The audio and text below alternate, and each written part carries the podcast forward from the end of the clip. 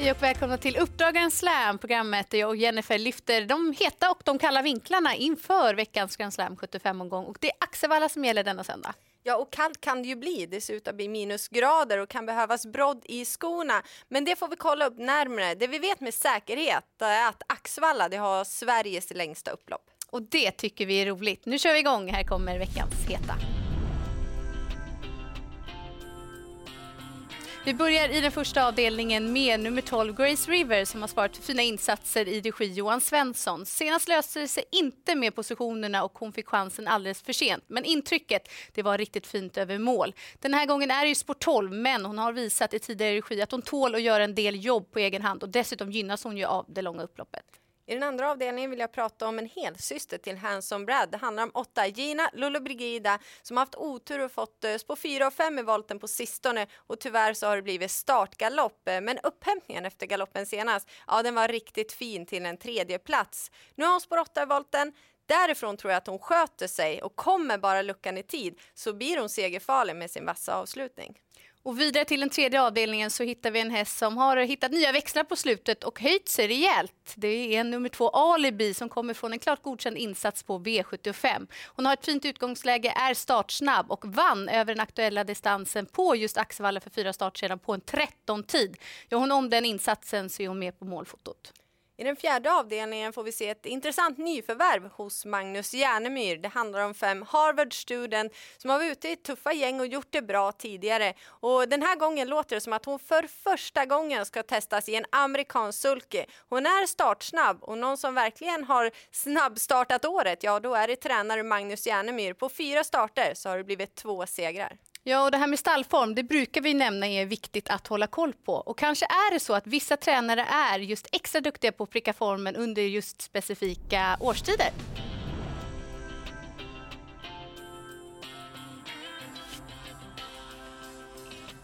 Definitivt att det finns årstidstränare och är man riktigt eh, duktig och håller koll på det hela då kan man ligga ute lite i framkant och upptäcka det där innan alla andra upptäcker det och få bra odds på hästarna när man vet att de är på gång.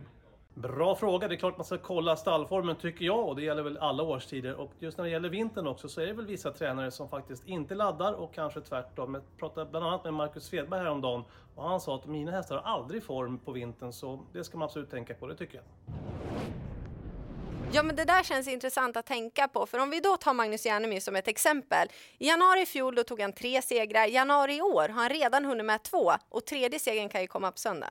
Så kan det absolut bli. Men jag har ju också hittat ett motbud i samma avdelning och även där är det en formstark tränare i André Eklund. Han säljer ut nummer 9 Manstone to you som tog hand om ledningen senast, galopperade in i första sväng, tappade en hel del längder men reparerade det storstilat och vann loppet trots den inledande galoppen. Formen är bra, André Eklund kommer göra finjusteringar på balansen och han är nöjd över bakspåret den här gången då hon inte behöver ödsla någon kraft från början. Det är hans bästa chans under dagen. Ja, det säger en hel del. Eh, sen vill du prata om en fin häst, men framför allt en rolig kuskdebut. Ja, men verkligen. Vara 52 år gammal, heter Jonas Gylling och får köra nummer 10 Digital Lucky i sitt första lopp på banan. Det kan bli riktigt roligt. Digital Lucky har gjort fem starter på Sovalla och gjort det väldigt bra mot tufft motstånd. Är formen bara bibehållen nu när han gör debut i ny regi så har han både farten och styrkan att segerstrida direkt. Och det hoppas jag att även nummer 9 Sahara Piote har i den sjätte avdelningen som hunnit med några lopp i regi Veijo Heiskanen. Har nu ett lopp i kroppen och det senaste loppet då på nyårsafton det var mot gulddivisionshästar och han gjorde det bra som femma. Om man nu har tagit det loppet på rätt sätt kanske är ytterligare förbättrad. Ja, konkurrensen är billigare den här gången och han borde vara med i segerstriden. Det var våra heta omgången. Nu går vi vidare. Här kommer veckans kalla.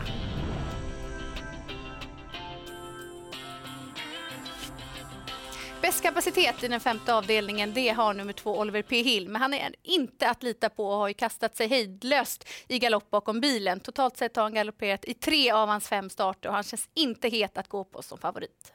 Och i den sjätte avdelningen startar nummer ett Icarus Di Quattro med fina förutsättningar. Han trivs ju i ledningen. Problemet är att han inte startar sedan augusti och dessutom har han struken i december för sjukdom. Så stort frågetecken på hans form. Och även i den avslutande avdelningen så har vi en häst med oklar form. Ja, men vi vill ju prata då om nummer två, Rally-Gunnar, som inte startar på ett litet tag och framförallt så måste han ju tävla med skor på hovarna. Det var väldigt länge sedan han gjorde det och hans bästa lopp det har ju varit barfota runt om och hans tränare Ulf Stenström, han ligger lågt.